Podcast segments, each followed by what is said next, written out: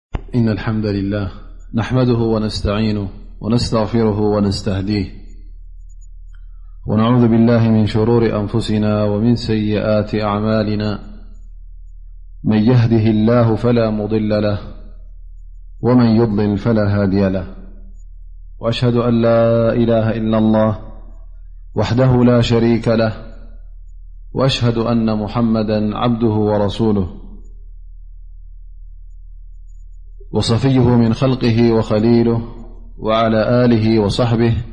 ومن استن بسنته واقتفى أثره إلى يوم الدين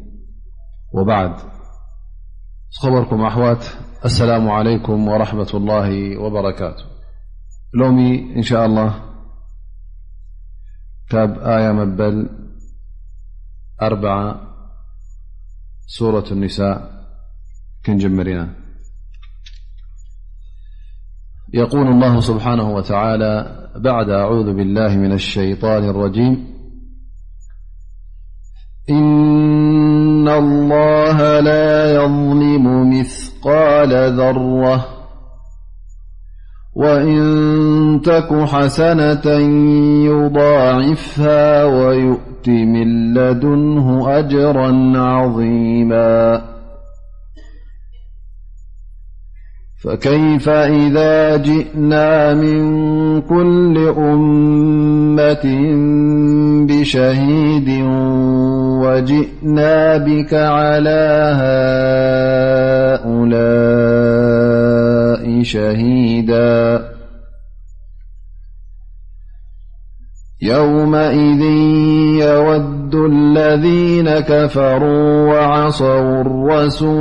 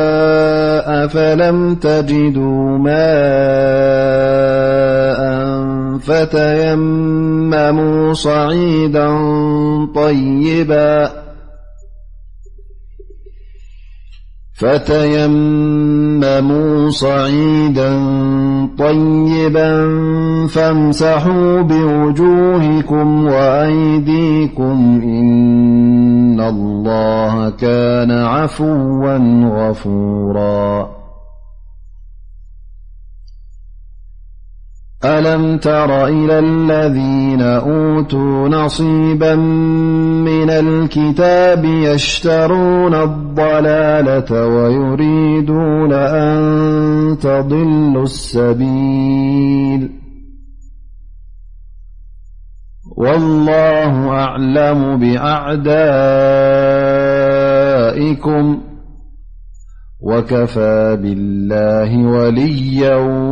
وكفى بالله نصيرا إن شاء الله لو معلت إذ قرأنا أي آيتات فسر كنتنت نا يقول الله سبحانه وتعالى إن الله لا يظلم مثقال ذره الله سبحانه وتعالى نዝخن ين بر نخلم برت أب يوم القيامة حم نزኾن ين أيكوፅعن እዩ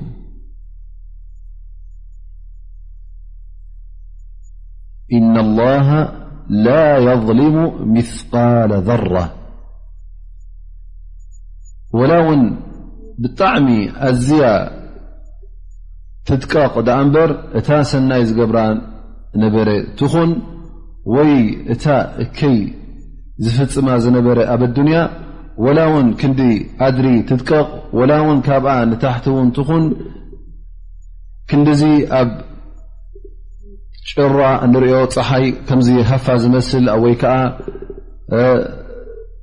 ዝነኣሸ ነገር ወላ ክንድኡ ይኹን ኣላ ስብሓን ወተላ ኣብ ዮም ቅያማ እንተ ደኣ ሰናይ ዝገበርካ ነገር ኮይና ከፅንሓልካ እዩ እንተ ደኣ እከይ ዝገበርካ ነራ ኮይና እውን ከፅንሓልካ እዩ ኣብቲ ር ከይነከየልካ ኣብቲ ሰናይ ዝገበርካዮ ከይነከየልካ ኣብቲ እከይ ዝገበርካዮ ድማ ዘይገበርካዮ እከይ ከይጨመረልካ ኣላ ስብሓን ወተዓላ ፀብፂቡ ንኩሉ ኣኻኺቡ ከፅንሓልካ እዩ ስለዚ እንተ ክትቅፃዕ ኮንካ ወይ እውን እተ ሰናይ በቲ ሰናይ ዝገበርካዮ ሰናይ ክትፍደ እተ ኮንካ ኣላ ስብሓን ወተዓላ ባዕሉ ብኢደወነኑ ዝውስኸካ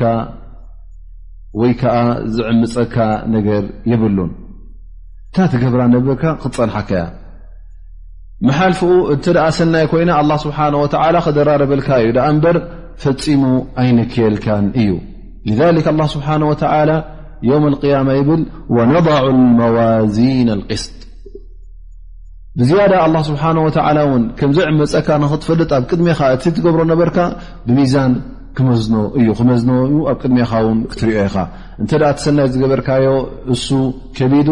በዓል ሰናይ ኮንካ ክትርከብ ኢኻ እንተ እከይ ዝገበርካዮ ከቢዱ እውን በዓል እከይ ኮንካ ክትርከብ ኢኻ ሉቕማን كوامهنو رلرال الله سبحانه وتعالىيا بني إنها إن تك مثقال حبة من خردل فتكم في صخرة أو في السماوات أو في الأرض يأت بها الله وهم سيدنا لقمان ويدفلم كل ኣላ ስብሓን ወተዓላ ዝኾነ ይኹን ነገር ከም ዘይሕብኦ ወላ እውን ክንዲ ኣድሪ ትጥቀቕ ትንኣሽ እዚኣ እውን ወላ እውን ብእማን ተደብዲባ ተሓቢኣ ኣብ እምኒ ይኹን ወላ እውን ኣብ ትሕቲ መሬት ኣብ ልዕሊ ሰማይ ኣብ ዝኾነ ይኹን ትሃሉ እዛ ነገር እዚኣ ኣላ ስብሓን ወተዓላ ስለ ዝፈልጣ እንተ ደኣ ዝገበርከያ ነገር ኮይና ሰናይ እንተ ኮይና ኣላ ስብሓን ወተዓላ ብዮም ኣልቅያማ ከተፋቢሉ ከቕርብያ እዩ እንተ ደኣ ከይ ኮይና እውን ኣብኣ ክትፀንሓካ እያ سورة ازلزلة يقول الله ى يمئذ يصدر الناس أشتاة ليروا أعمالهم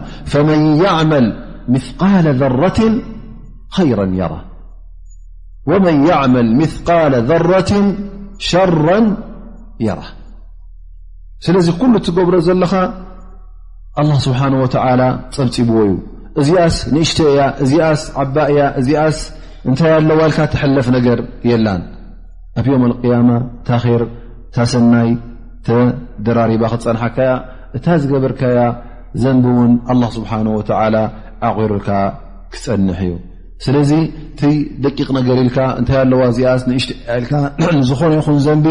ኣቃሊልካ ብቐሊል ዓይኒ ክትሪኦ የብልካን ሸለል እውን ክትብሎ ይብልካን እንታይ ደኣ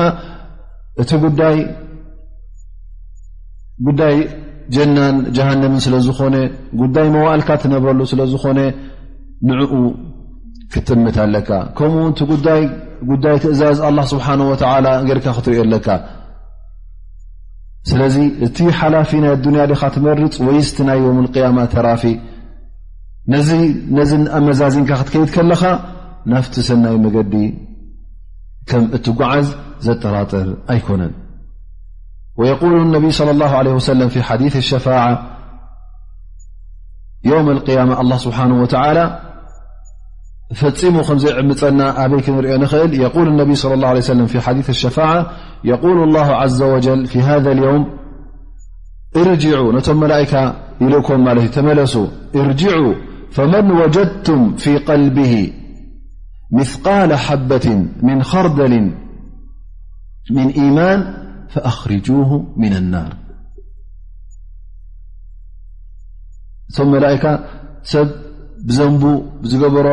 ዘንብን እቲ ማዕስያናቱ ስለ ዝበዝሐ ወላ እውን ኢማን እንከለዎ ኣብልቡ ወላ እውን ሙእሚን ኣስላማይ እንከሎ ነዘን ዝገበረን ማዕስያ ነቲ ዝገበሮ ዘንቢ ንክቕፃዕ እውን ኣላ ስብሓን ወተላ ኣብ እሳተ ጀሃንም ምስ ደርበዮም ብድሕሪኡ ኣላ ስብሓን ወተላ ነቢና ሙሓመድ ለ ላ ለ ሰለም ዝተሸፍዑ ነቲ ሙእምን ንኩሉ ካብቲ መቕፃዕቲ ንክእናገፍ ሸፋዓ ገይሮም ናብ ኣላ ስብሓን ወተላ ምስ ቀረቡ የቁል ላ ስብሓን ወተላ ነቶም መላእካ ተመለሱ እንደገና ይብሎም ማለት እዩ ናበይ ናብ ሓዊ ጀሃነብ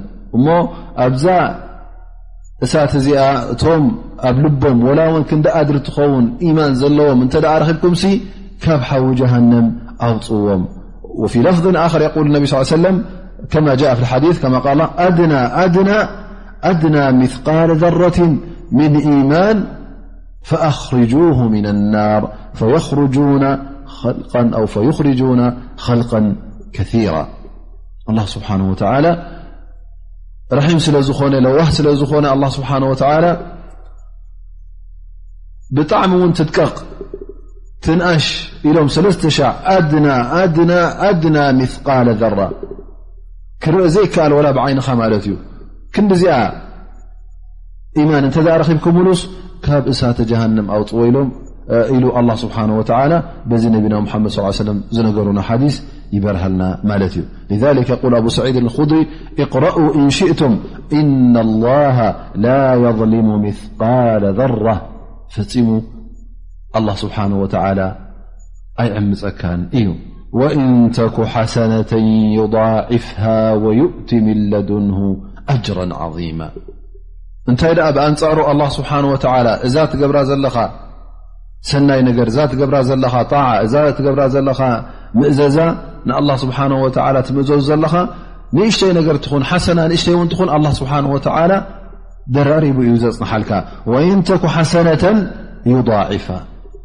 ግን ብሸርጥ እንታይ ክኸውን ኣለዎ ዝሰብ እዚ በዓል ኢማን ኣስላማይ ኢማን ዘለዎ ሙክልስ ክኸውን ኣለዎ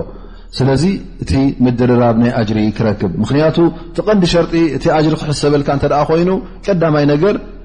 ሞምን ክትከውን ኣለካ መገዲ እስልምና ዝሓስካ ክትከውን ኣለካ እዘ እንተ ላ ስብሓን ወተላ ዝኾነ ይኹን ወላ እውን ትጥቀቕ ሰናይ ነገር ናይ ባሮቱ ይሕልወሎም እዩ ካብ በልና እቶም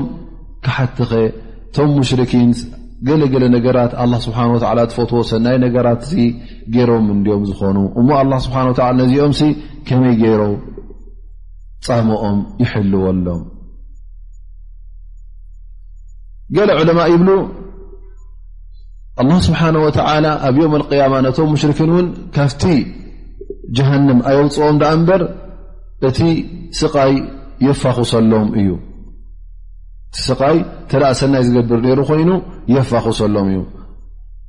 نذ نر ي بمنتي ربمل مرتع بل رتع مو يقولون استدلوا بحديث العباس عندما جاء إلى النبي صلى اله عليه وسلم فقال يا رسول الله إن عمك أبا طالب كان يحوطك وينصرك فهل نفعته بشيء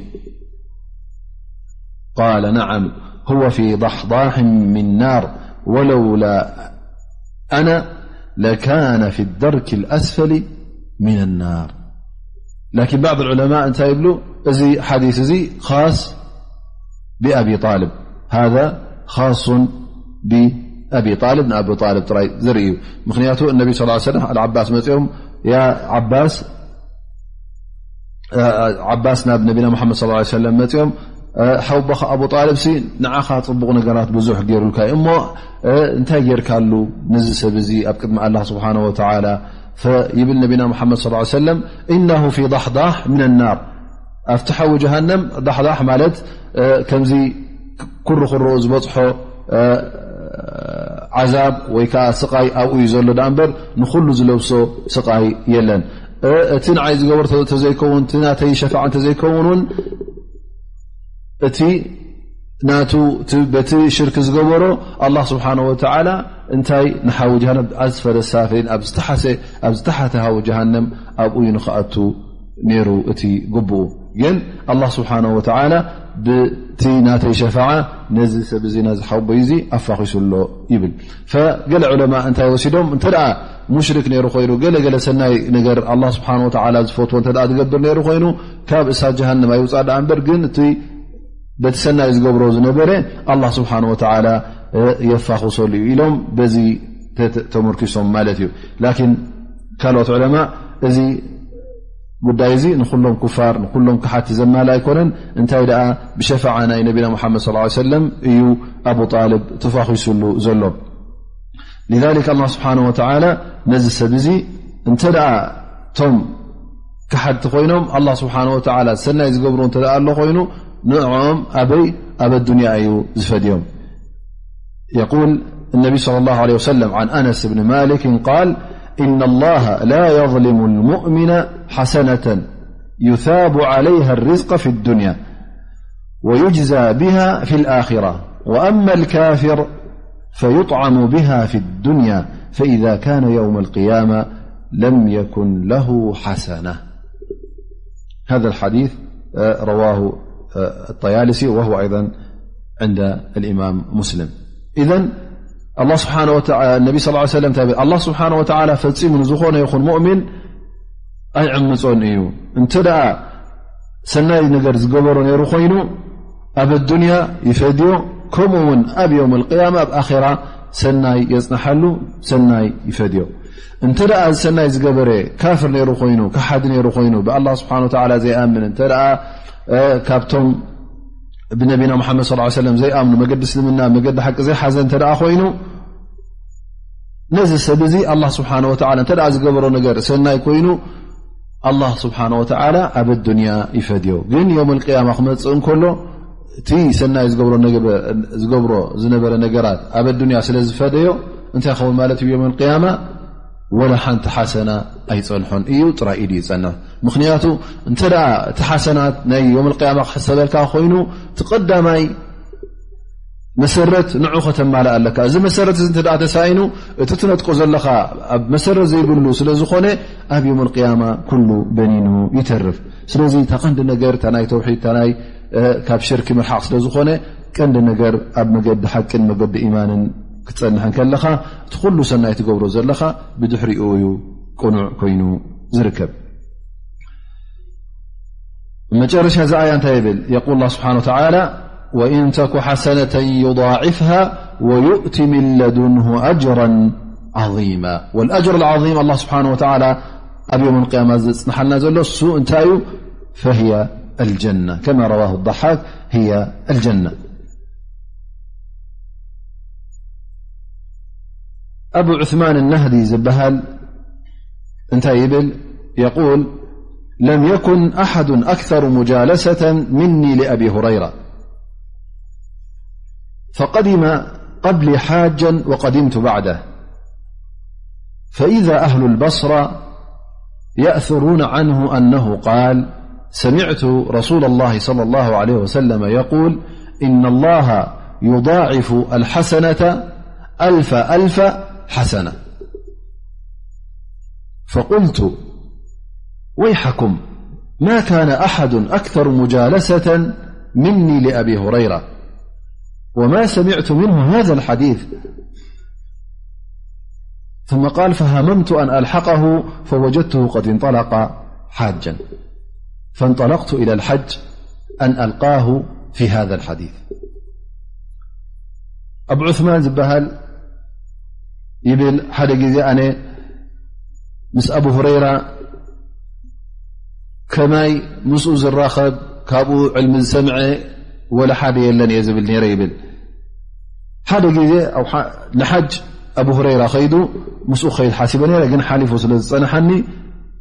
ብድሕሪኡ ከላስ ከርክቦ ኢለ ሓሲበ ይብል ግን በስራ ምስ በፃሕኩ ኣህል በስራ እንታይ ክብሉ ፀኒሖምኒ ኣብ ሁረይራ ከምዝኣመሰለ ሓዲስ ኢሉና እዚ ሓዲስ እዚ እንታይ ይብል ሰሚዕቱ ረሱሉ ላ ካብ ነቢና ሓመድ ስ ለም ሰሚ ኣላ ስብሓን ወተላ እንተ ደኣ ሰናይ ጌርካ ነዛ ሰናይ እዚኣ ኣልፍ ኣልፍ ሓሰና ገይሩ ሓንቲ ሓሰና ናብ ኣልፍ ኣልፍ ሓሰና ማለት ሚልዮን ማለት እዩ ናብ ሚልዮን ይደራርበልካ እዩ ዝብል ሓዲስ ኣስሚዑና ኢሎም ክዛረቡ ሰሚዐ እዮም እዚ ነገር እዚ ምስ ሰማዕኩ ይብል ኣብ ዑማን ከመይ ዶ ኣምፅኩም ዚ ኣነ ከማይ ምስ ኣብ ሁረይራ ኮፍ ዝበለ ሰብ ከምኡ ከማይ ምስ ዘዕለለ ከማይ ምስ ዕልሚ ካብኡ ዝወሰደ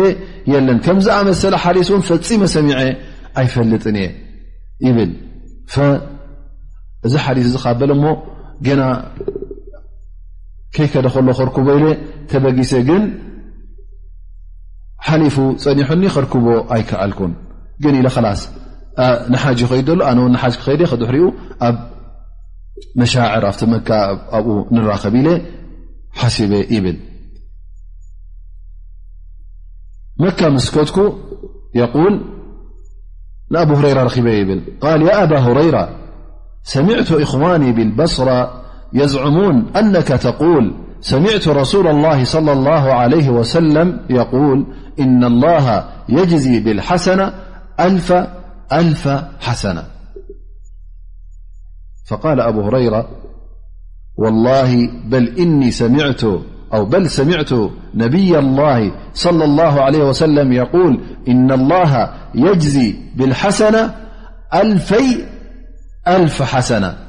ثم تلى هذه الآية فما متاع الحياة الدنيا في الآخرة إلا قليل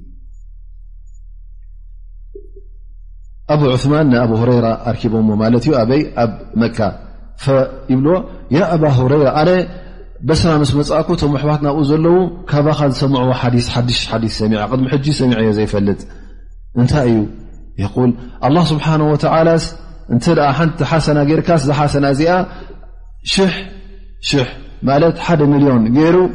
ይትክኣልካ ወይ ከዓ ይፈድየካ ትብል ሰሚዐ እሞ እዚ ሰሚዐ ይፈልጥን ሃል እዚ ሓዲስ እዚ ካባኻ ድም ሰሚዖሞ ኢሉ ንኣብ ሁረራ ይሓትት ማለት እዩ ኣብ ሁረራ ይብል እረ ካል ኣለ ኣብ ነቢና ሓመድ ለ ዝሰማዕክዎ እሱ ከዓ ኣላ ስብሓን ወተላ ንሓንቲ ሓሰና ኣልፈይ ኣልፍ ክልተ ሚሊዮን ገይሩ ማለት እዩ ሓደ ሚሊዮን ዘይኮነስ ክልተ ሚሊዮን ገይሩ ደራሪቡ እውን ይሓስበልካ እዩ ተደሊኻ ውን ነዛ ኣያ እዚኣ ዘይተቐርእ ፈማ መታዕ ሓያት ዱንያ ፊ ኣክረት ኢላ ቀሊል ትዝዓበየ ደስታን ትዝዓበየ ራህዋን ዝዓበየ መታዕ ኣብ ኣዱንያ ዘሎ ኣብ ቅድሚ ናይ ዮም ቅያማ ከተረኣዮ ከለኻስ ብጣዕሚ ውሕድ እዩ እንድልና ኣላ ስብሓን ወተዓላ እሞ ክሳዕ ክንደይ ማለት እዩ ተሓንቲ ተቐላል ነገርሲ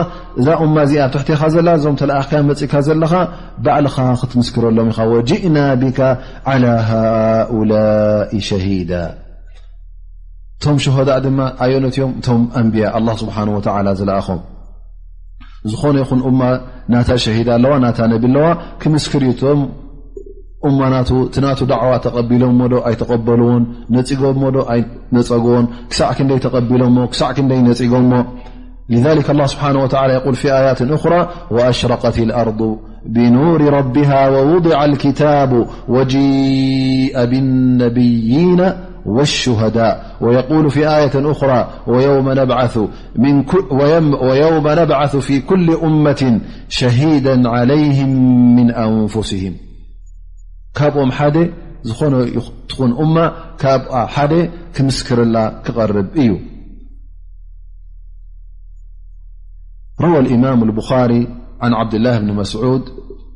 قال قال لي رسول الله صلى الله عليه وسلم اقرأ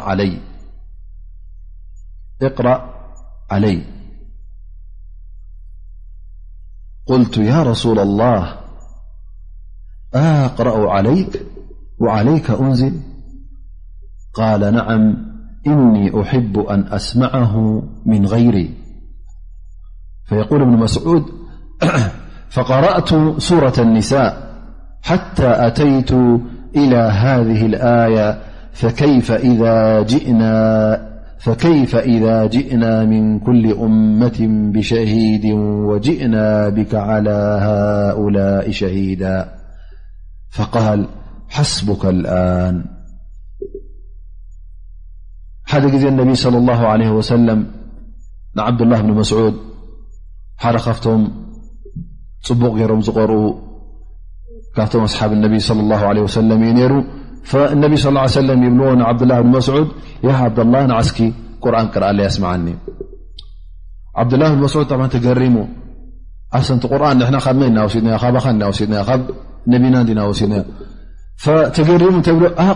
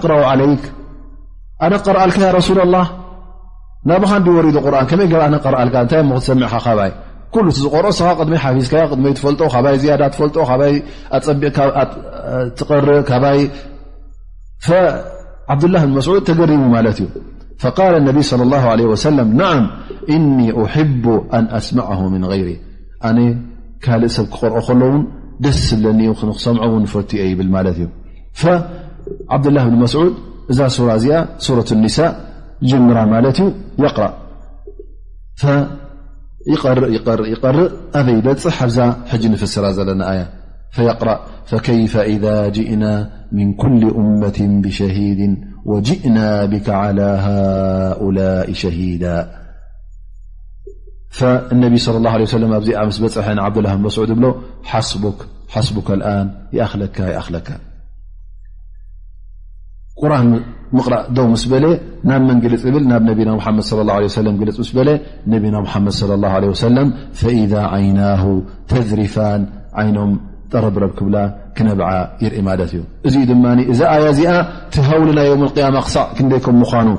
ስብሓ ነቢና ሓመድ ሰለም እቲ ነገርሲ ቀሊል ከም ዘይምዃኑ ፈከይፈ ኢዛ ጅእና ምን ኩል እመት ብሸሂድ ወጅእና ብካ ዓላ ሃኡላ ሸሂዳ ኣብዚ ዮም ኣልቅያማ ክትምስክረሎም ነዞም ብፆትካ ነዞም ተለኣኽካዮ ዝመፃእካ ኢሉ ኣላ ስብሓን ወተላ ንነቢና ሙሓመድ ስ ሰለም እቲ መዓልቲ እቲ ብጣዕሚ ሃውሊ ዘለዎ ብጣዕሚ ኣሸጋሪ ከም ምዃኑ ካብዚ መዓልቲ እዚ እውን ናፃ ዝወፅእ እውን እሱኡ ዕዉትን በዓል ኸይርን ከም ምዃኑ ዘብርሃልና ማለት እዩ ዝሕብረና ዘሎ ኣብዚ መዓልቲ እዚ ኣላ ስብሓን ወተላ እንታይ ይብል እቶም ንነቢና ሙሓመድ ለ ላ ሰለም ዘይምእዘዙን ካብ መገዲ ዝወፁንሲ እቲ ዮም ቅያማ ዝርከብ ስቓይን ዝረኣይዎ ሃውልን ምስ ረኣዩ እንታይ ይትምነዩ ኣብዚ መዓልቲ እዚ ኣላ ስብሓን ወተላ መሰኻኽር ምስ ኣቕረበ እቶም ኣንብያ እቶም ሳልሒን እቶም እመት መሓመድ ንገዛእ ርእሳ እውን ነተን ካል እማታት እውን ትምስክር እያ ማለት እዩ ከዞም መሰኻኽር ኩሎም ምስ ቀረቡ ኣብዚ ሰዓት እዚ እንታይ ይብልቲ ክሓዲ የቁል ላ ስብሓን ወተላ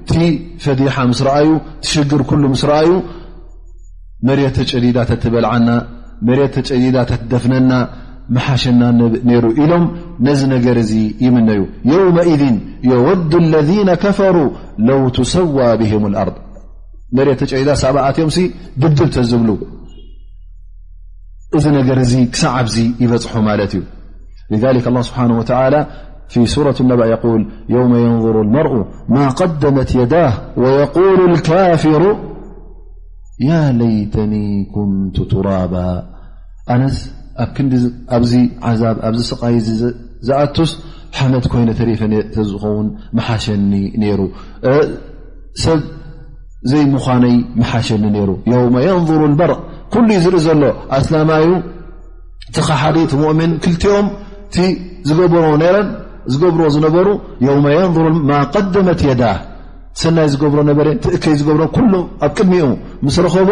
እንታይ ይምነ ታውፅኢት ይርኣ ኣሎ ሓንቲ ዝሰናይ ዝገበራ ነገር የላን ኣብ ክሕደት ይጥፍወት ኩሉ እለቱ ስለዚ ካሓደ ኩሉ እንታይ ይትምነ ኣብዛ መዓልቲ እዚኣስ እዛ መዓልቲ ተዘይርኢ መሓሸኒ ነይሩ ኣነስ ሓመት ዝኸውን መሓሸኒ ነይሩ ይብል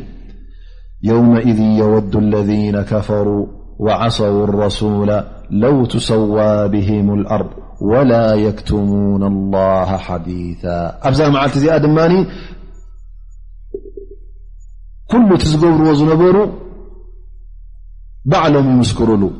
ዝሓብእዎ ነገር የለን ወላ የክትሙን ላ ካብ ኣላ ስብሓን ወላ ዝሓብእዎ ፈፂሙ የለን ኩሉ ዝገብርዎ ነበሩ ይእመኑሉ ማለት እዩ ስለዚ ዝሕባእ ነገር የለን ባዕሎም ይዛረቡ ማለት እዩ ወላ የክትሙን ላ ሓዲታ እዘን ኩሉ ዝገብሮ ዝነበሩ ይተኣማመኑሉ ማለት እዩ እዕትራፍ ይገብሩ ማለት እዩ ድ ር روى سعيد أ بن عباس ب جاء رجل إلى ابن عباس فقال يا ابن عباس أشياء تختلف علي في القرآن فابن عباس يقول ما ه أشك في القرآن كياب قال لا ليس بالشك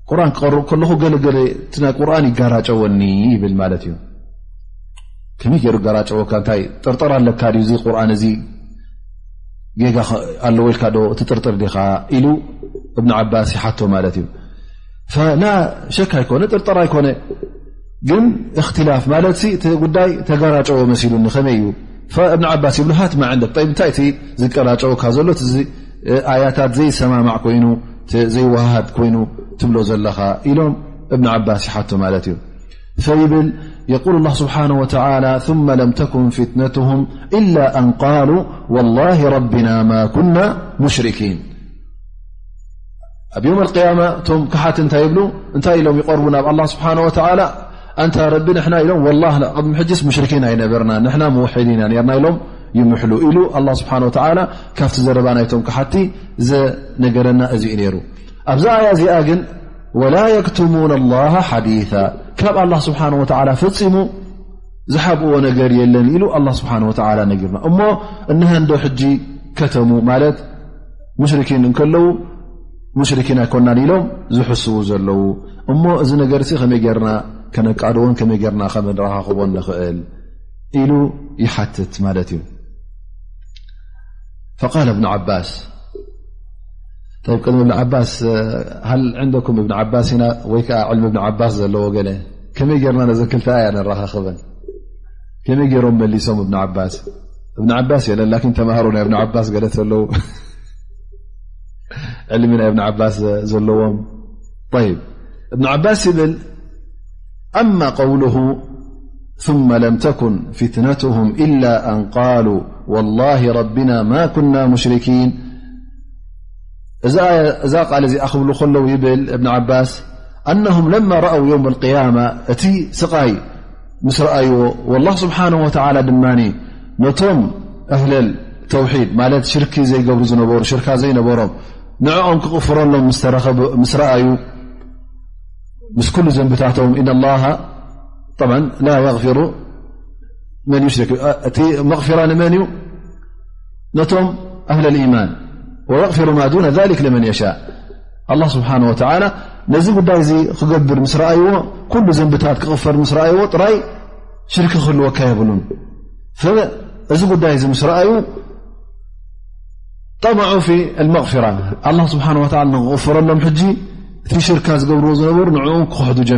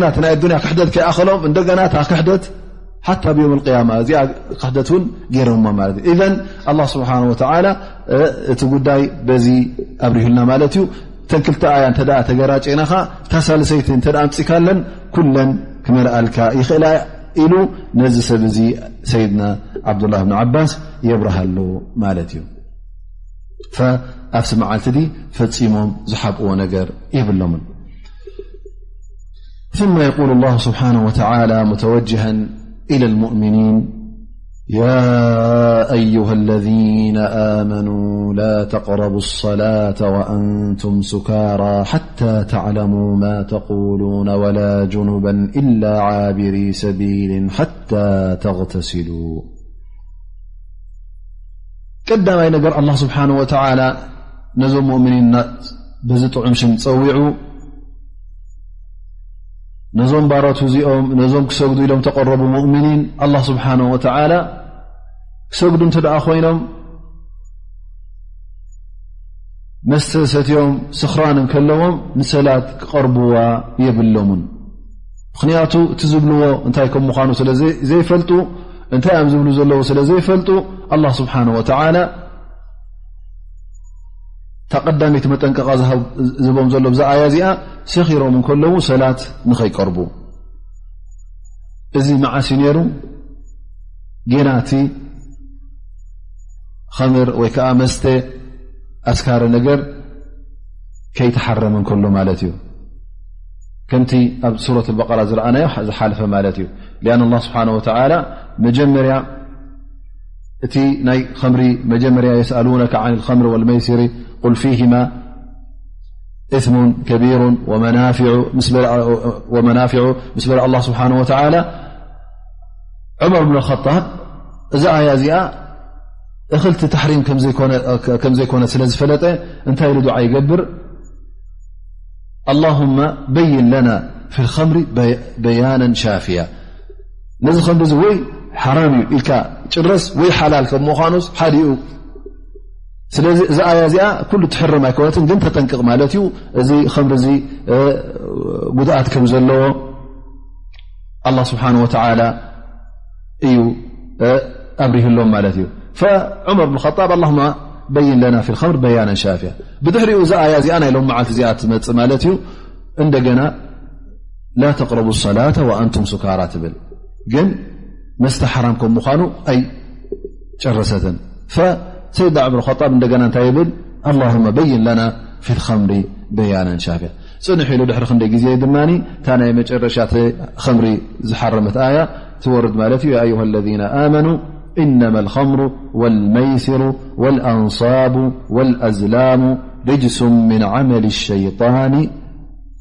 ፈጅተኒቡ ለዓለኩም ትፍሊሑን ኢሉ ክሳዕ ቃውል ተላ ፈሃል ኣንቱም ምንተሁን ምስ ቀረኣሎም ቃሉ እንተሃይና እንተሃይና ኢሎም ካብ መስተ ደው ይብሉ ማለት እዩ እዛ ኣያ እዚኣ ግን ጌና እቲ ከምሪ ከይተሓረመ ከሎ ዝወረደ ስለ ዝኾነት ሰኺርካ ከለኻ ንሰላት ንኸይትኣቱ ግን እዚ ክበሃል ከሎ እንተ ሕጂ እውን ሓደ ሰብ ማእስያ ገይሩ ምናልባሽ ክሰግድን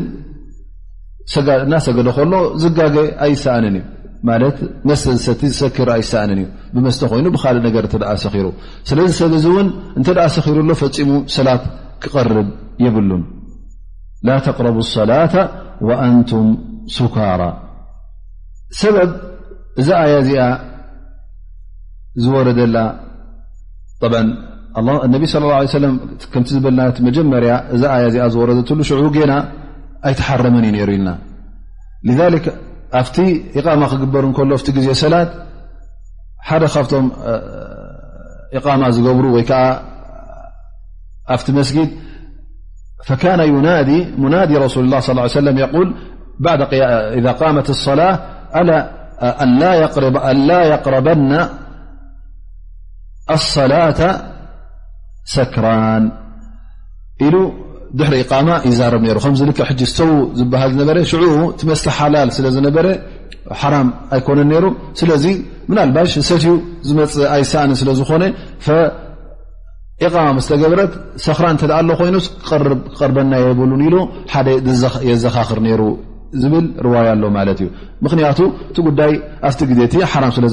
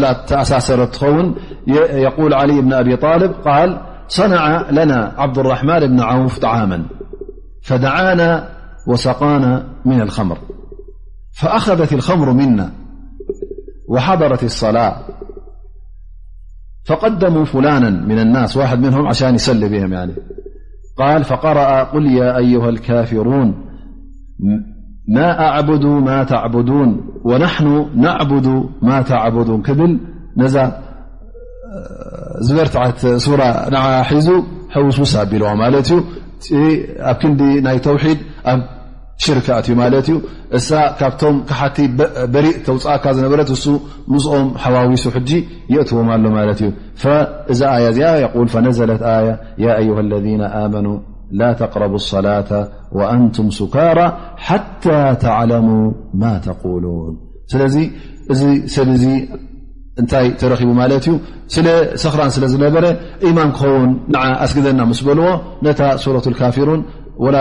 ጥዑይ ሰብ ከማ ተጋጊ ማለት ዛ ሱራ እዚ ኣይኮነን ሰኺርካ ንክትቀርኣ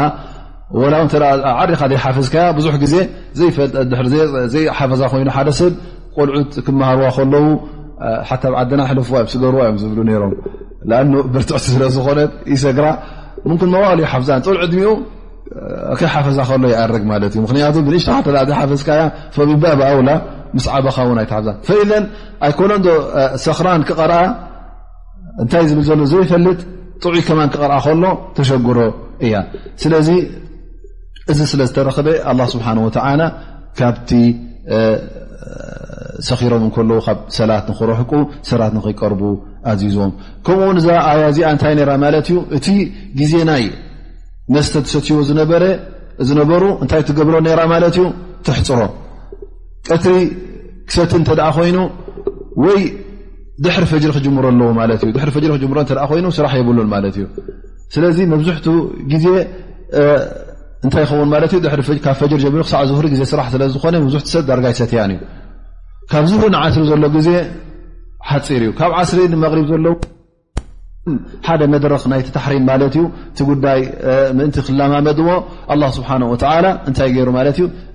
እቲ ዝሰትሉ ግዜ ኣብ ውሱን ሰዓታት ንክኸውን ሰላት ንቀርቡ ክሰግዱ እተ ኮይኖም ሰኺሮም ክቀርቡ ስለ ዘይፍቀዶም እታ ዘላቶም ግዜ ማለት እዩ ብለይቲ ክሰትዎ እንከልዉ ማለት እዩ ስለዚ እዚ ነቲ ናይ ታሕሪም ናይ ከምር ከም ሓደ እንታይ ኮይኑ ማለት እዩ ከም ሓደ መድረኽ ነቲ ታሕሪም ዘሰጋገር ማለት እዩ ወልዛሊክ ኣላ ስብሓን ተላ ውን ኣንቱም ሱጋራ ሓታ ተዕለሙ ማ ተቁሉን እቲ ቀንዲ ንሰላት ስክርካ ከለካ ትቀርባ ዘይትኽእል እንታይ እዩ ምክንያቱ ትብሎ ዘለካ ስለ ዘይትፈልጥ ምክንያቱ ሰክራን እንታይ ከም ዝብል ኣይፈልጥን እዩ ፈኢዘ ኣሰከር ህወ ዕባራ እተ ክንፈልጦ ኮይና እንተ ደኣ ነፍሱ ዘይቆፃፀር ማለት እዩ ዝብሎ ዘሎ ኣይፈልጥን ሓንጎሉ እንታይ ክቆፀር ኣይክእል ታይ ብ ታይ ብ أكن النبي صلى الله عليه سلمأوإذا نعس أحدكم وهو يصلي فلينصرف فلينم حتى يعلم ما يقول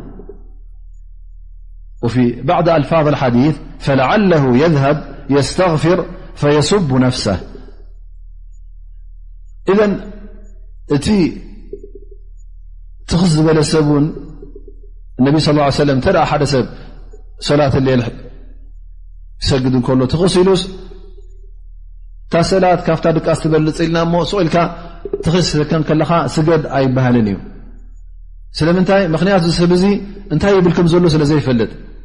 ምናልባሽ ቁርን ቐረእ ኣሎ ዓ ገበር ኣሎ ክኢሉ ነብሱ ምናልባሽ ነብሱ ይረግም ይኸውን እንታይ ከም ዝብል ዘሎ ስለ ዘይርዳእ እነቢ ስለ ላ ለ ሰለም እዚ ሰብ እዚ ክሰግድ ትኽስ እንተ ኢሉ ንኽድቅስ ኣዚዞሞ ዳሕራይ ምስ ደቀሰ ዕረፍቲ ምስ ረኸበ እንደገና ሰላቱ ይቐፅል ኢሎም ምኽንያቱ ላዓለ የዝሃቡ የስተቕፍር ፈየስቡ ነፍሳ ኣየልዓኑ ነፍሰ ነፍሱ ይጎድእ ፈኢዘን እንተ ደኣ ንሰላት ክትቀርብ ኮንካ እንታይ ማለት እዩ ካብ ኩሉ ቀዳማይ ነገር እቲ ናይ ስኽራን ዘሎ እሱ ክርሕቕ እሱ እተ ርሒቑ ድማ ኩሉ ግዜ እንታይ ከም ትብል ንኣላ ስብሓ ምስ ኣ ስብሓ ትራኸብ ስለ ዘለኻ ልብኻ ምሳኻ ክኸውን ኣለዎ ኣእምሮኻ ምሳኻ ክኸውን ኣለዎ ንዓኻ ደሻቕለካ ነገር እውን ክህሉ የብሉን ትኽስታ ኮይኑ ካልእ ነገር ውን ተሓስቦ ነገር ውን ክህልወካ የብሉን እዚ ከይከውን ውን እተ ሓደ ሰብ ን ተ ተወጢጡ ኮይኑ ሽንተ ማይ ወይ ከዓ ንቀልቀል እተ ተወጢጡ ውን ነቢ ስለ ላ ለ ሰለም ከምዚ ዝኣመሰለ ሰብ ን ክሰግድ የብሉ ዩ ምክንያቱ ክሰግድ እንከሎ እቲ ሓሳቡ ኩሉ ኣበይ ክኸውን ፍሪሁ እዚ ተወጢጥዎ ዘሎ ከይመልቆ ንኡ ንክቆፃፀር ንኡ ንክዓቁር እንታይ ከመይ ሰጊዱ እታይ ሰጊዱ ክንደይ ረክዓ ሰጊዱ ኢማም እንታይ ቀሪኡ እውን ኣይፈልጥን እዩ ስለዚ እንታይ ዘርእና ዘሎ ኩሉ ንዓኻ ዘሻቅለካ ነገር ንኣእምሮኻ ይኹን ልብኻ ካብታ ሰላት ዘርሕቐካ ነገር እተ ኣሎ ኮይኑስ ካብ ኩሉ ክትርሕቕ ኣለካ እታ ሰላት ዓባይ ነገር እያ ልብኻን ኣእምሮኻን ቀልቢኻን ኩሉ ምሳኻ ኣቕሪብካ ንኣላ ስብሓን ወተላ ክተድህብ ከም ዘለካ እዩ ዝሕብር ዘሎ ማለት እዩ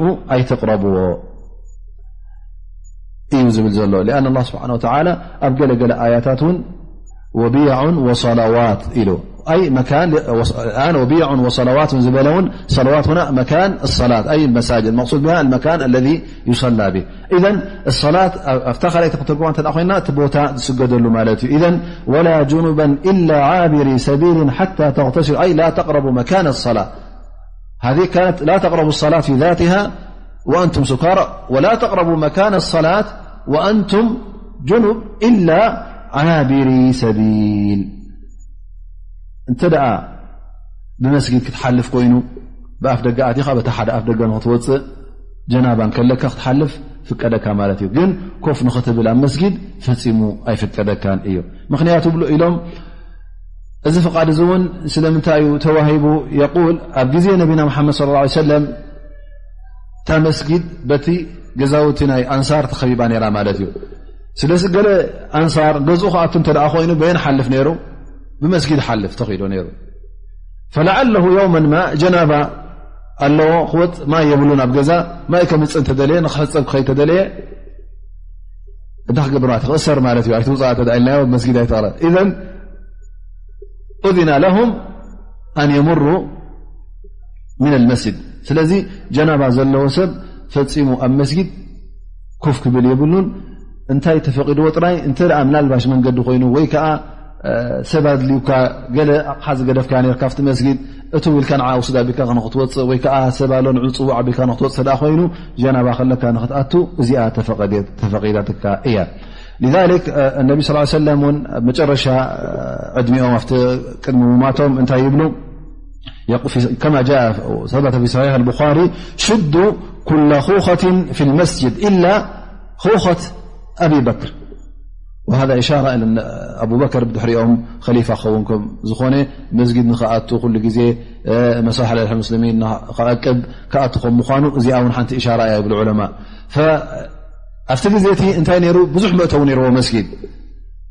ካብ ገዝኦም ትኺሎም ንመስጊድ ዝኣትውሉ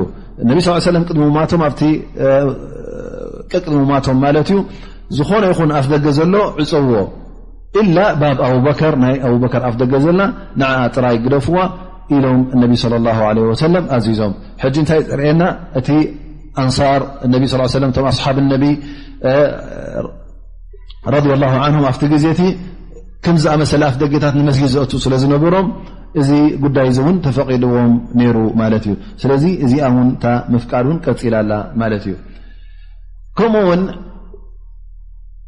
ሓኢድ ወኑፈሳ እውን ኣብኡ ይኣትዋ ማለት እዩ እተ ሓንቲ ሓኢድ ኣላ ኮይና ሕ ኣለዋ ኮይኑ ወይከዓ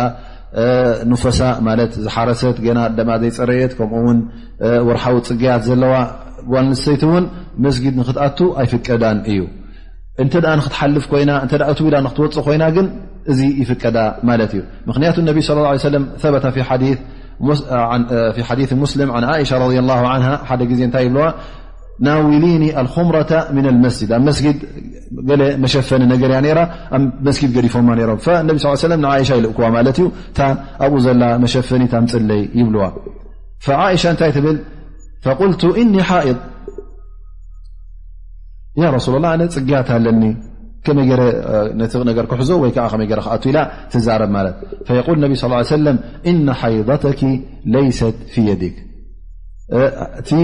ፅግያትኪ መዓስ ኣብ ኢድኪ ኮይኑ ኢሎም ነቢ ለ ላ ለ ወሰለም ካብ መስጊድ ኣትያታ ዝጠለብዋ ኣቕሓ ንኸተምፃኣሎም የፍቅዱላ ማለት እዩ ስለ ዝኣዘዝዋ እዘን እንታይ ርእየና ማለት እዩ እቲ ዝፍቀድ ንጅኑብ ጓል ንስተይቲ ትኹን ወተባዕታይ ኣብ ጀናባ እተ ኣሎ ኮይኑ ከምኡውን ጓል ንስተይቲ እንተ ፅግያትን ወይ ከዓ ድሕሪ ሕርስን ደማ ዘይቋረፀ እተ ኮይኑ እዛ ሰብ እዚኣ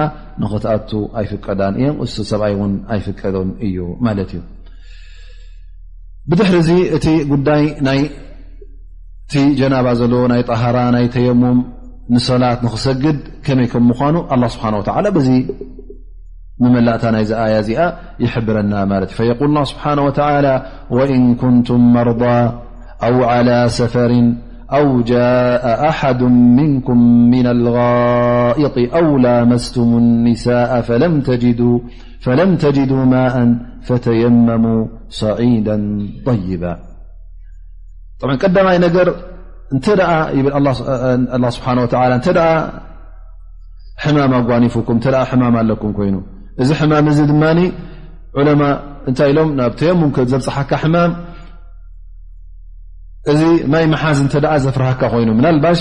ኣብቲ ኣካልካ ትሓፅቦ ወይ ከዓ ውድኡ ክትገብር ከለካ ክትሓፅቦ ትግደድ እንተ ማይ ጌርካሉ እዚ ኢድካ ኹን ወይ ከዓ ኣፃብዕትኻ ወይ ኣብ እግርኻ ማይ እንተጌርካሉ እዚ እግሪ እዚ ክጉዳእ እንተ ዝኽእል ኮይኑ ወይ ከዓ ንክሓዊ ግዜ ዝያዳ እተ ክወስድ ኮይኑ ወይ እዚ ማይ እዚ እተ ዘሕምመካ ኮይኑ ማለት እዩ ወይ ሕማምካ ይውስኸልካ ወይ ከዓ ንክትሓዊ እውን ነቲ ምሕዋይ ዘደናጉየልካ እተ ኮይኑ ወይ ከዓ እቐንዝወካ እተ ኮይኑ ኣብዚ ሰዓት እዚ እንታይ ተቁፀር ማለት እዩ ሓሚምካ ከማይ ንኸይትሕዝ ተየሙም ጌርካ ንክትሰግድ ይፍቀደካ ማለት እዩ ወላ እውን ጀናባ እተ ኣለካ ኮይኑ እውን እተ እቲ ምሕፃብ ዝሸግረካ ኮይኑ ከይተሓፀብካ ናበይ ትኸይድ ማለት እዩ ናበይ ትሰግር ናብ ተየሙም ትሰግር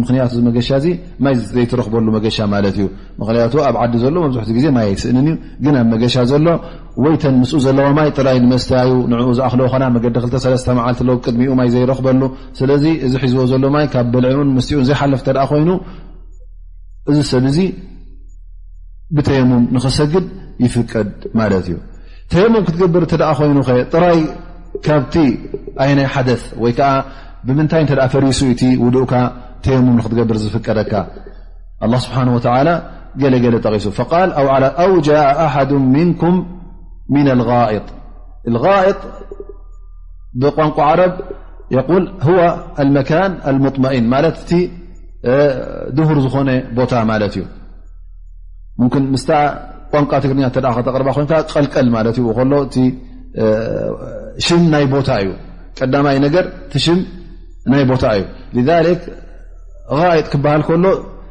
ክናያ እዩ ደኣ እምበር ነቲ ካብ ወዲ ሰብ ዝወፅእ ንኡ ይኮነን ስናቱ ይኮነን ኣልጋይጥ ፈ መካን ኣልሞንካፈት ነፍሲ ሸ ኣብቲ ቋንቋ ትግርኛ ቀልቀል ክበሃል ከሎ ንቦታ እውን ቀልቀል ትብሎ ኢኻ ቀልቀል ከይትሎ ቀልቀል ሕጂ ቦታ እዩ ኣብኡ ከሎ ድማ ንምንታይ ትሰሚኻሉ ማለት እዩ ነቲ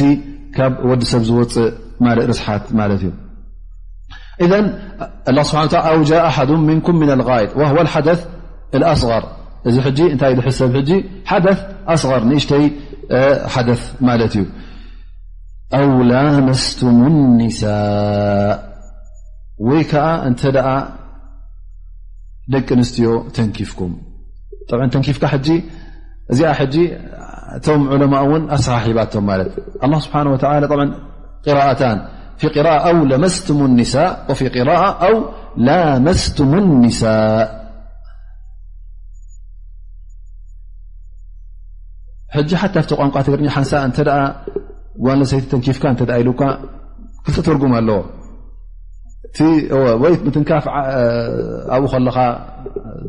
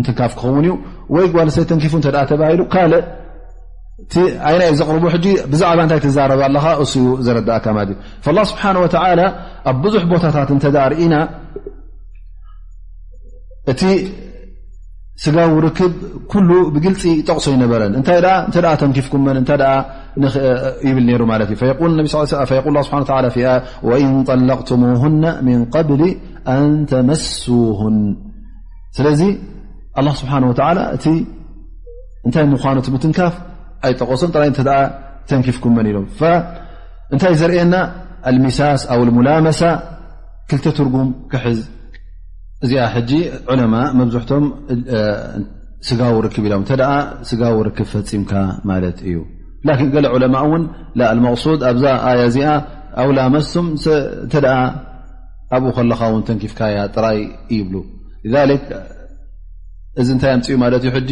ሓደ ሰብ እንተ ጓንስተይቲ ተንኪፋቶ ወይ ተንኪፍዋስ ውዱእ ይገብር ዶ ውእ ይጅድዶ ኣይጅድድን ገለ ዕለማ ኢሎም ኣለው በዛ ኣያ እዚኣ ወሲዶም እንተ ተንኪፍዋ ዝኾነ ይኹን ዓይነት ምትንካፍ እዚ ሰብ እዚ ውዱእ ክገብር ኣለዎ ካልኦት ዕለማ ኢሎም ላ እንተ ክትንክፋ ከሎ ብሻሃዋ ተንኪፍዋ ስምዒት ንስምዒት ኢሉ እተ ተንኪፍዋ እዩ እበረይ እተ ብዘይ ስምዒት ተንኪፍዋ ውዱእ ኣይገብርን እዩ ገሊኦም ድማ ኢሎም እዚ ክትንክፋ ከሉ እተ ወላ እውን ቅድሚኡ ብዘይ ስምዒት ይተንክፋ ግን ምስ ተንክፋ እንተ ሽዑ ስምዒት መፅእዎ እዚ ሰብ እዚ እውን ውዱእ ክገብር ኣለዉ ኢሎም ተዛሪቦም ገሊኦም ዕለማ ግን ፈፂሙ እዚ ሰብ እዚ ወላ እውን ብሻህዋ ይተንክፋ ወላ እውን ካብኡ ንላዕሊ ኣብ ናይ ምስዓም ነገር ይብፃሕ እዚ ሰብ እዚ ውዱእ ብምትንካፍ ብከምዚ ዓይነት ምትንካፍ ኣይኮነን ኣላ ስብሓ ላ ተዛሪቦምና እንታይ ደኣ እቲ ምትንካፍ ተባሂሉ ዘሎ እንታይ ደኣ ስጋዊ ርክብ ክኸውን ኣለዎ ኢሎም ዑለማ ኣብዚ መስሪቶም ማለት እዩ እዚ እውን ካብ ሓዲ ነቢና ሓመድ ለ ላ ሰለም ዝመፀ ዝረከብዎ ይኸውን ማለት እዩ እዘን እንተ ደኣ ከምዚ ኮይኑ ኣብ መገሻ ኮንካ ወይከዓ ኣብ መገሻ ነርካ እሞ ከምዚ ዝኣመሰለ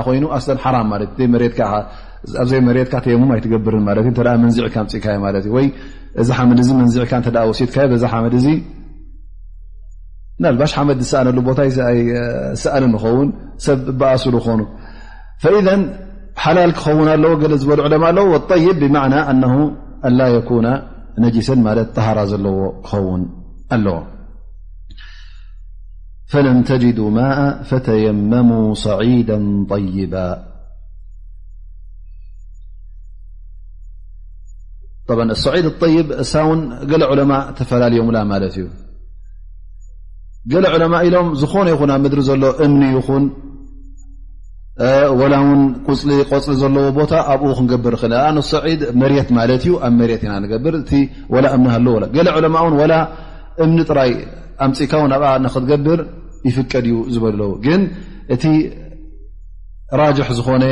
ርእቶ ግዴታ እንታይ ክህልዎ ኣለዎ ዝሓመድ ቁሩብ ቱራብ غባር ክህልዎ ኣለዎ ሓመድ ክህልዎ ኣለዎ ድሮና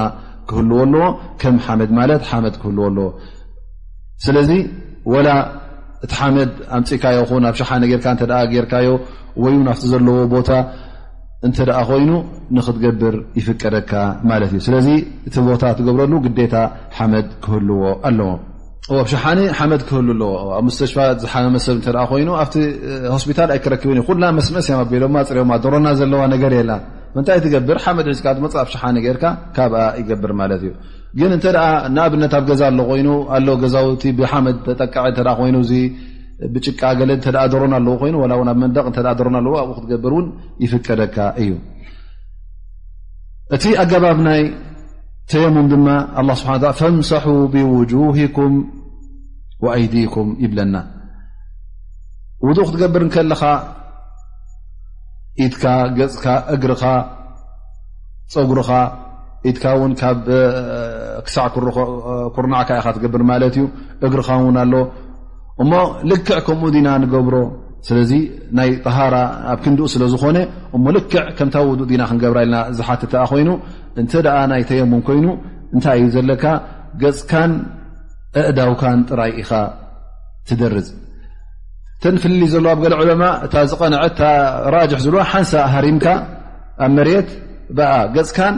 እዘን ጉንቦ ኢትካን ጥራይ ትገብር እዚኣ ኣክልቲያ ይብሉ ኣለዉ ገለ ዕለማ ክልተ ግበር ይብልካ እቲ ሓንቲ ንገፅ ትኸውን ተኻለይቲ ንኢትካ ካብ ጀሚርካ ክሳዕ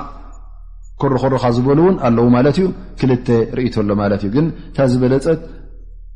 እዛ ከፍ ናካ ወይ ከዓ ዘን ጉንቦ ኢትካን ገፅካን ብሓንቲ ትሃርም ማለት እዩ ضርባ ዋሒዳ ጌርካ እሳ እያታ መብዝሕቶም ዑለማ ዝበልዋ እታ ብልፅቲ ዝኾነት ማለት እዩ ወልዛሊክ ሓደ ግዜ ኣብ መንጎ ሰይድና ዑመር ኣብ መንጎ ዓማር ዝተረኽበ ነገር ነይሩ ማለት እዩ فيما رواه الإمام أحمد عن عبد الرحمن بن أبزا أن رجلا أى عمر سيا عمر م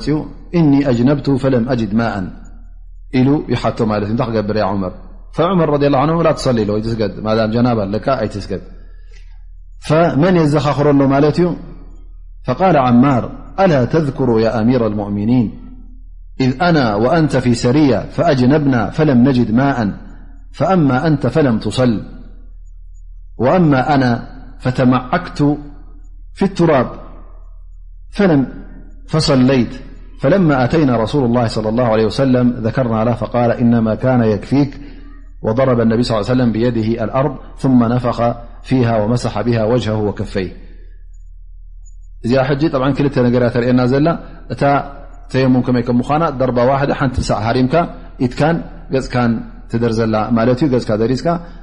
መጀመርያ ገፅካ ደርዝ ዳሕራይ ኢትካ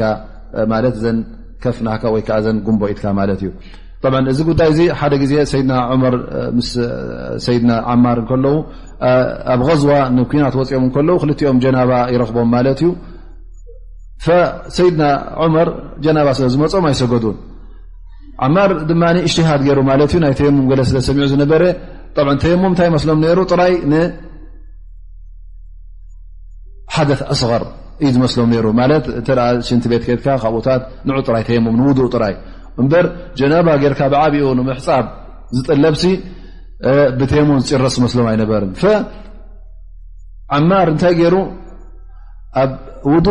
ተየሙም ግበሩ ኢሉና እንድዩ ንዛ ናይ ኢትካን ገፅካን እሞ ሕጂ ኣነ ድማ ጀናባ እንደ ገይረ ዘለኹ ጀናባ ሕጂ ነብስኻ ኩሉ እንዲኻ ትሕፀብ ኣነ ማ ሕጂ ብሓመድ ነብሰይ ኩሉ ክሕፀብ ኣለኒ ተ ነብሰይ ኩሉ ከግብርለኒ ኢሉ ሓመድ መፅኡ ግምጥልጥል ኢሉ ላስ ይጭርስ ማለት እዩ እሰግድ ብኣ ይጭርስ ማለት እጅትሃድ ገይሮም ማለት እዩ ዳሕራይ ነቢና ሓመድ ስ ሰለ ተመሊሶም ይዛረብዎ ያ ረሱላ ከምዘና ጓኒፉና እሞ ከምዚ ገይረ ከምዚ ገይረ ነቢ ስ ሰለም እዚ ምስ ሰምዐ ዓማር ይብሎ እስኻ እዚኣ ማእኸለትካ ራ እንታይ ኣብዚ ኩሉ ባፅሓካ ብኢትካ ገይርካ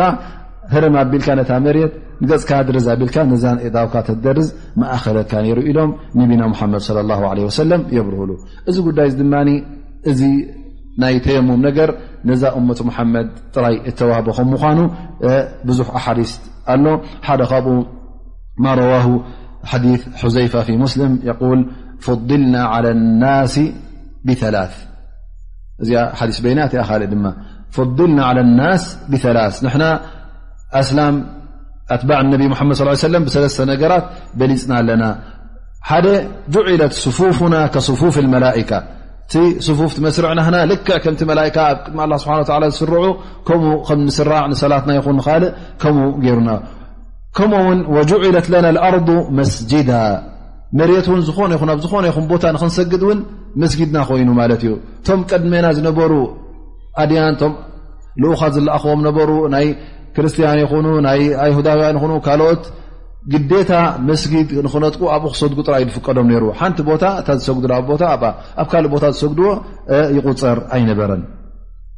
ማ ል ወቱርበትሃ ጠሁራ ኢዛ ለም ነጅድ ልማ ከምኡ ውን መሬታ እዛ ሓመድ ናይ መሬት ውን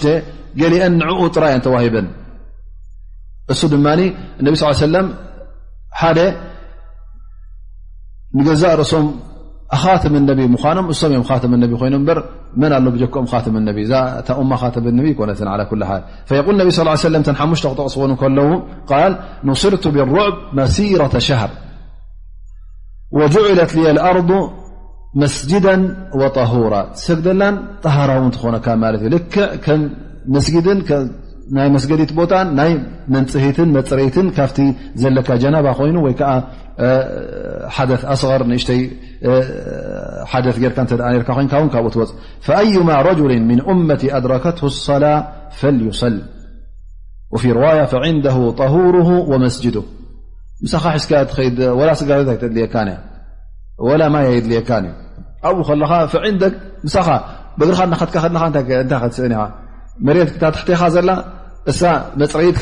مر مسج وأحلت لي الغنائم ولم تحل لأحد قبلي وعطيت الشفاعة وكان النبي يبعث إلى قومه خاصة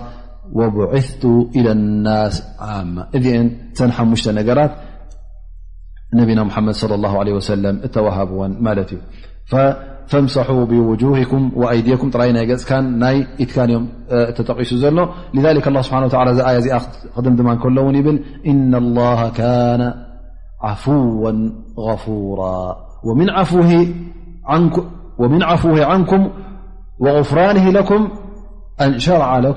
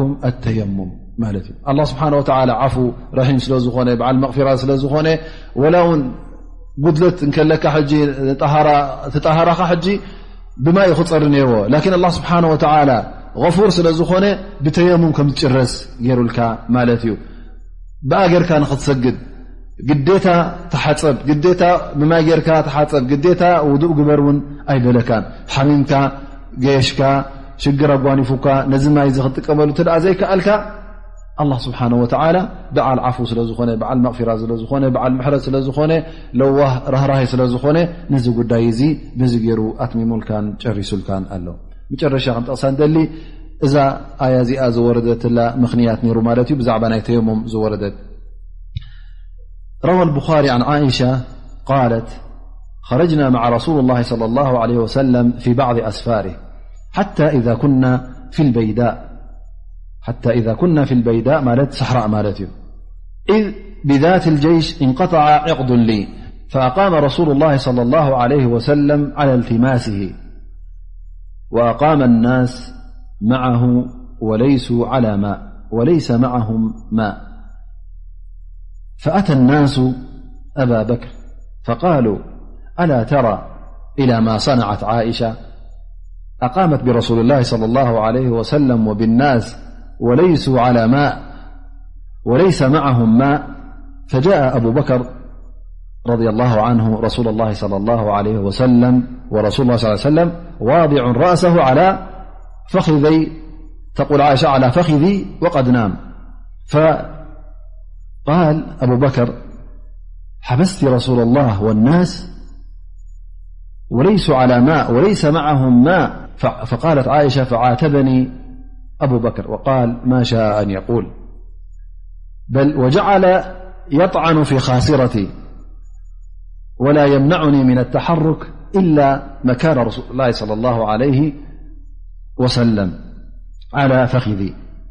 فقام رسول الله صلى الله عليه وسلم حين أصبح على غير ما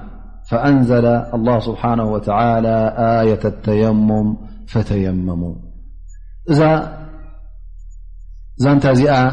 ሰበብ ዝኾነት ናይታ ኣየተ ተየሙም ዝወረደትላ ማለት እዩ ሓደ ግዜ ትብል ዓይሻ ረ ላ ዓንሃ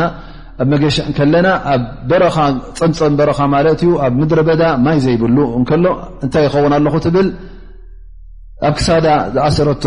ዕንቂ ነይሩ ዕንቂ ይመልቆኒ ትብል ማለት እዩ ይጠፍኣኒ ፈነቢ ስ ሰለም ነቲ ዕንቁ ንክንደሊ ፅንሑ ኢልዎም ደው ኣቢልዎም ትብል ደው ከብሎም ከሎ እቲ ዕንቁ ክድለ ከሎ እንታይ እዩ ደው ክብሉ ከለዉ ኩሉ ግዜ እንታይ እዮም ዝገብሩ ወይ ኣብ ማይ ዘለዎ ቦታ ደው ክብሉ ኣለዎም ወይ ከዓ ምስኦም ማይ ክህሉ ኣለዎ ማለት እዩ ፈሶም ላ ምስኦም ማይ የብሎም ወላ ይ እቲ ቦታ ኮፍ ኢሎም ዘለዉ ቦታ ማይ ኣይነበረን ማለት እዩ ነቢ ስ ሰለም ንዑ ንክደሊ ይደናጎ ማለት እዩ ኩላ ህዝቢ ኮፍ ትብል ማለት እዩ ነዛ ዕንቁ እዚኣ ክድለ ኣብ መንጎ መገሻ ሰበይትኻ ዕንቁ ተጥፍአ እንታይ ትገብራ ማለት እዩ ሕ እዚ ሰብ ኩሉ ኮፍ ተብሎ ምእንታ ኢልካ ምእንቲ ዕንቋ ኮፍ ኣይተብላ በዚ ሎም ኮፍ ኢሉ ተፀብዩ ማለት እነቢ ስ ሰለም ገለ ካብቶም ኣስሓብ ነቢ ስ ሰለም ናብ መን መፁ ናብ ሰይድና ኣበከር ኣቦ ኣንድ ክቋየቋ ኢሎም ኣበከር ትሪኣ ኣለካ ዛ ዓይሻ ግዋልካ እንታይ ገይራ ኩሉ ህዝቢ ንነቢ ስ ሰለም ይኹን ወላ ንኩሉ ህዝቢ ኮፍ ኣቢላቶ ማየ የብልና ኣቦታ ማይ የለና ኢሎም ይዛረብዎ ማለት እዩ ተቆትዑ ማለት እዩ ናብ መን ኸይድ ናብ ዓሻ ረ ላ ን ይኸይድ ዓሻ ረ ላ ን መፅኡ ምስ ነቢ ስ ለ ፀርሖ ነቢ ስ ሰለም ኣብ ሕቑፊኣ ደቂሶም ይረኽቦም ማለት እዩ ደቂሶም ከለዉ ሕጂ ይዛረባ ንስክስ እንታይ ክጌር ክብላ ምእንቲ ዕንቁክሰብ ኩሉ ሱቕ ዘይትብሊ ነበርኪ ጠፊኡኒ ከይበልኪ ሕጂ ኩሉ ህዝቢ ማይ የብሉ ዝሰትዮ ስኢኑ ውዱእ ዝገብረሉ የብሉ እንስስኡ ተናግማሉ ዝሰትያሉ የብሉ ሕጂ ዝገበርኪ እንታይ ኢሎም እቋየቑ ፈቃላ ማሻ ኣንቁል ድላዩ ተዛሪቡ ኢላ ብ ኣቦኣ ስለ ዝኾነት ኣይመለሰትሉን ኣብ ርእሲኡ እንታይ ገብረሉ ነይሩ ኢላ ክዛረባ ከሎ ብኢዱ ገይሩ ኣብ ጎና ይሃርማ ነይሩ ማለት እዩ ጎና ክሃርማ ከሎ ግን ምዩቕ ትብል ኣይነበረትን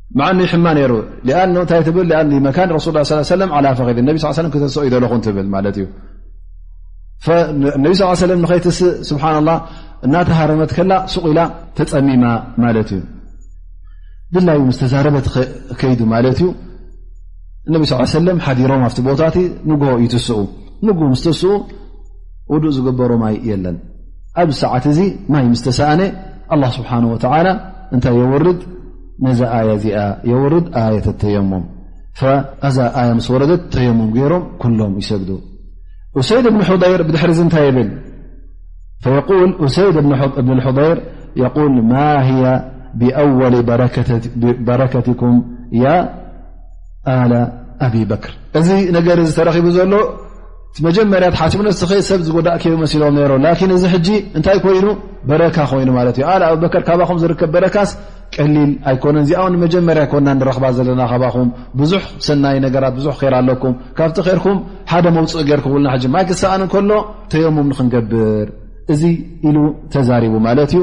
እዚኣ ውን ከም ሰበብያ ኮይና ንበረይ ትብል ምስ ሰገድና ምሰበልና ላስ ከንብገስ ኢልና ነቲ ገመል ምስ ተተሳእናዮ እታ ዕንቅብታ ትሕቲ ገመድ ረኺብናያ ትብል ማለት እዩ እዚ ኩሉ ሰብ ክደሊ ሓዲሩ ሰብ ኩሉ ኮፍ ኢሉ ምስኦም ነራ ማለት እዩ ታ ትሕቲ ገመድ ራ ማለት እዩ ፈዚ እንታይ የርእካ ቀዳማይ ነገር ኣላ ስብሓን ወተላ ተይሲር ደልዎ ነዛ እማ ዳኣ እምበር እቲ ኣብቲ ቦታ እቲ ምፅባዮም እውን ከም ሰበብ ኮይኑ ጠንቂ ኮይኑ እዩ ተረኪቡ ዳኣ እምበር እቲ ጉዳይ ኣላ ስብሓን ወተላ